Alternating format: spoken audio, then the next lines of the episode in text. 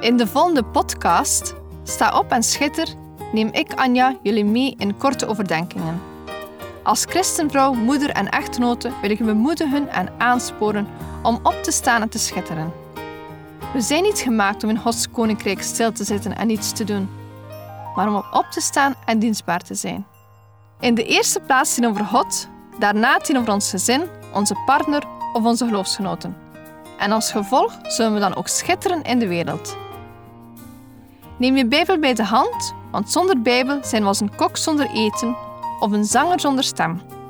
Dus luister naar, sta op en schitter. Vorige week had ik het over loslaten. Loslaten van dingen waaraan we zelf niets kunnen veranderen. Loslaten gaat alleen als we God kennen.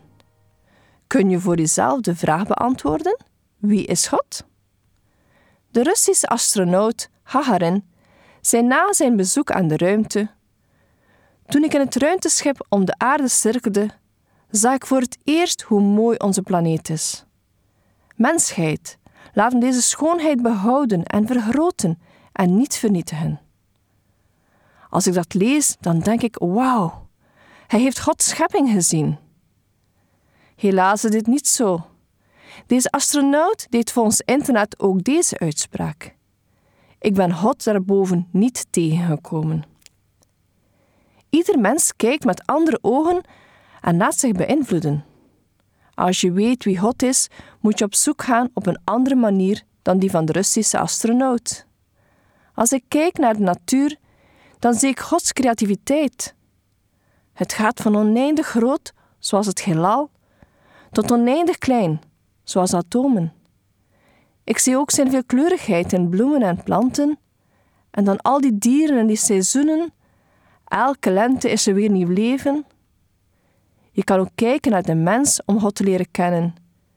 Kijk naar het ontstaan van nieuw leven. Het is zo fantastisch hoe God ieder mens uniek maakt. En vergeet niet, God schiep de mens als zijn evenbeeld. Om God te kennen, moeten we naar de Bijbel kijken. Eerst en vooral, geschiedkundig klopt de Bijbel 100%. God gebruikte mensen om zijn woorden op te schrijven, zodat wij zouden kunnen lezen. Als je de vraag wie is God wil beantwoorden vanuit de Bijbel, dan geef ik de voorkeur aan Psalm 23. In deze psalm spreekt koning David over God als herder. Ik lees Psalm 23, versen 1 tot en met 6. De Heere is mijn herder, mij ontbreekt niets. Hij doet mij neerliggen in grazige weiden. Hij leidt mij zachtjes naar stille wateren. Hij verkwikt mijn ziel. Hij leidt mij in het spoor van de gerechtigheid omwille van zijn naam. Al ging ik door een dal vol schaduw van de dood, ik zou geen kwaad vrezen, want u bent met mij. Uw stok en uw staf, die vertroosten mij. U maakt voor mij de tafel gereed voor de ogen van mijn tegenstanders. U zalft mijn hoofd met olie, mijn beker vloeit over. Ja, goedheid en goedertierenheid zullen mij volgen al de dagen van mijn leven. Ik zal in het huis van de Heere blijven tot in lengte van dagen. Psalm 23 is een psalm die vaak gebruikt wordt in diensten. Het is een psalm die troost en ondersteuning brengt. De psalm is geschreven door koning David, die er zijn vertrouwen in God uitdrukt. De Heere is mijn herder, mij ontbreekt niets. David beschrijft God hier als een liefhebbende herder. Een herder die er voor zijn schapen is en zorgt dat ze niets ontbreken. David wist wat het was om herder te zijn en voor kudde schapen te zorgen. Hij had een groot deel van zijn jonge jaren besteed aan de zorg van de schapen van zijn vader. De beeldspraak van God als herder is gebruikelijk in het hele Oude Testament. Het benadrukt de persoonlijke zorg, leiding en bescherming van God voor zijn volk. Met God als onze herder is er niets dat ons zal ontbreken. Bij deze woorden denk ik ook aan het Onze Vader. Geef ons heden ons dagelijks brood. Hij heeft ons wat we nodig hebben. Het leven van een herder wordt wel eens te mooi voorgesteld op prentjes. Zie het al voor je: een groen landschap, de schapen rusten aan het grazen, een kabbelend beekje. De herder die op een grote rots zit te genieten van het zonnetje. Dit was niet het leven van een herder in het oude Israël. Het leven van een herder in die tijd was een hard en gevaarlijk leven.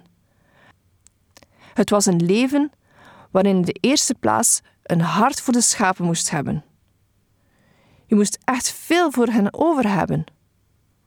Ook voor de schapen zelf maakt het heel veel uit wie hun herder was. De schapen waren voor hun leven echt afhankelijk van de herder. Als de herder zijn hun lot overliet, waren ze aan roofdieren overgeleverd en kon ze sterven vanwege honger en dorst. Ook onze keuze van herder bepaalt eigenlijk ons leven en dood. Of eerder, het leven na de dood. De juiste herder volgen is van zeer groot belang. Hij doet mij neerliggen in grazige weiden. Hier zien we twee aspecten. De eerste, we mogen gaan neerliggen. We mogen bij hem rust vinden. En we mogen rust vinden in groene weiden vol voedsel. Groene weiden hebben ook betrekking op het woord van God. Als we tijd besteden aan het overdenken van Gods woord, vinden we rust en voeding voor onze ziel.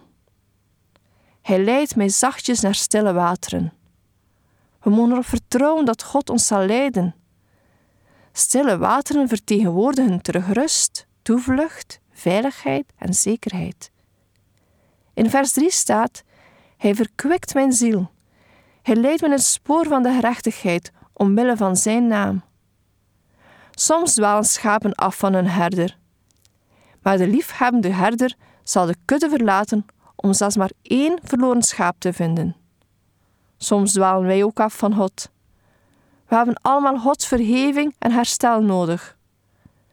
Besef altijd dat God die gratis aanbiedt aan degenen die zich bekeren en ook tot die schapen die terugkeren. We kunnen nooit zo ver afdwalen dat Gods lange arm van genade ons niet kan bereiken. Hij leidt met het spoor van de rechtigheid omwille van Zijn naam. God belooft ons te leiden in overeenstemming met alles wat Zijn naam vertegenwoordigt: heiligheid, liefde, trouw, wijsheid en meer. Vers 4 staat er: Al hing ik door een dal vol schade van de dood, ik zou geen kwaad vrezen, want u bent met mij.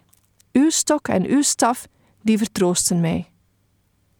David erkent de realiteit. Het leven gaat soms door donkere, verlaten plekken waar angst ons kan bevangen. Maar God wandelt met ons door seizoenen van duisternis en wanhoop. Zelfs in de meest sombere tijden van het leven hoeven we niet bang te zijn, omdat onze God bij ons is. Herders gebruiken een stok en een staf om hun schapen te leiden en te beschermen. Vers 5 staat: U maakt voor mij de tafel gereed voor de ogen van mijn tegenstanders.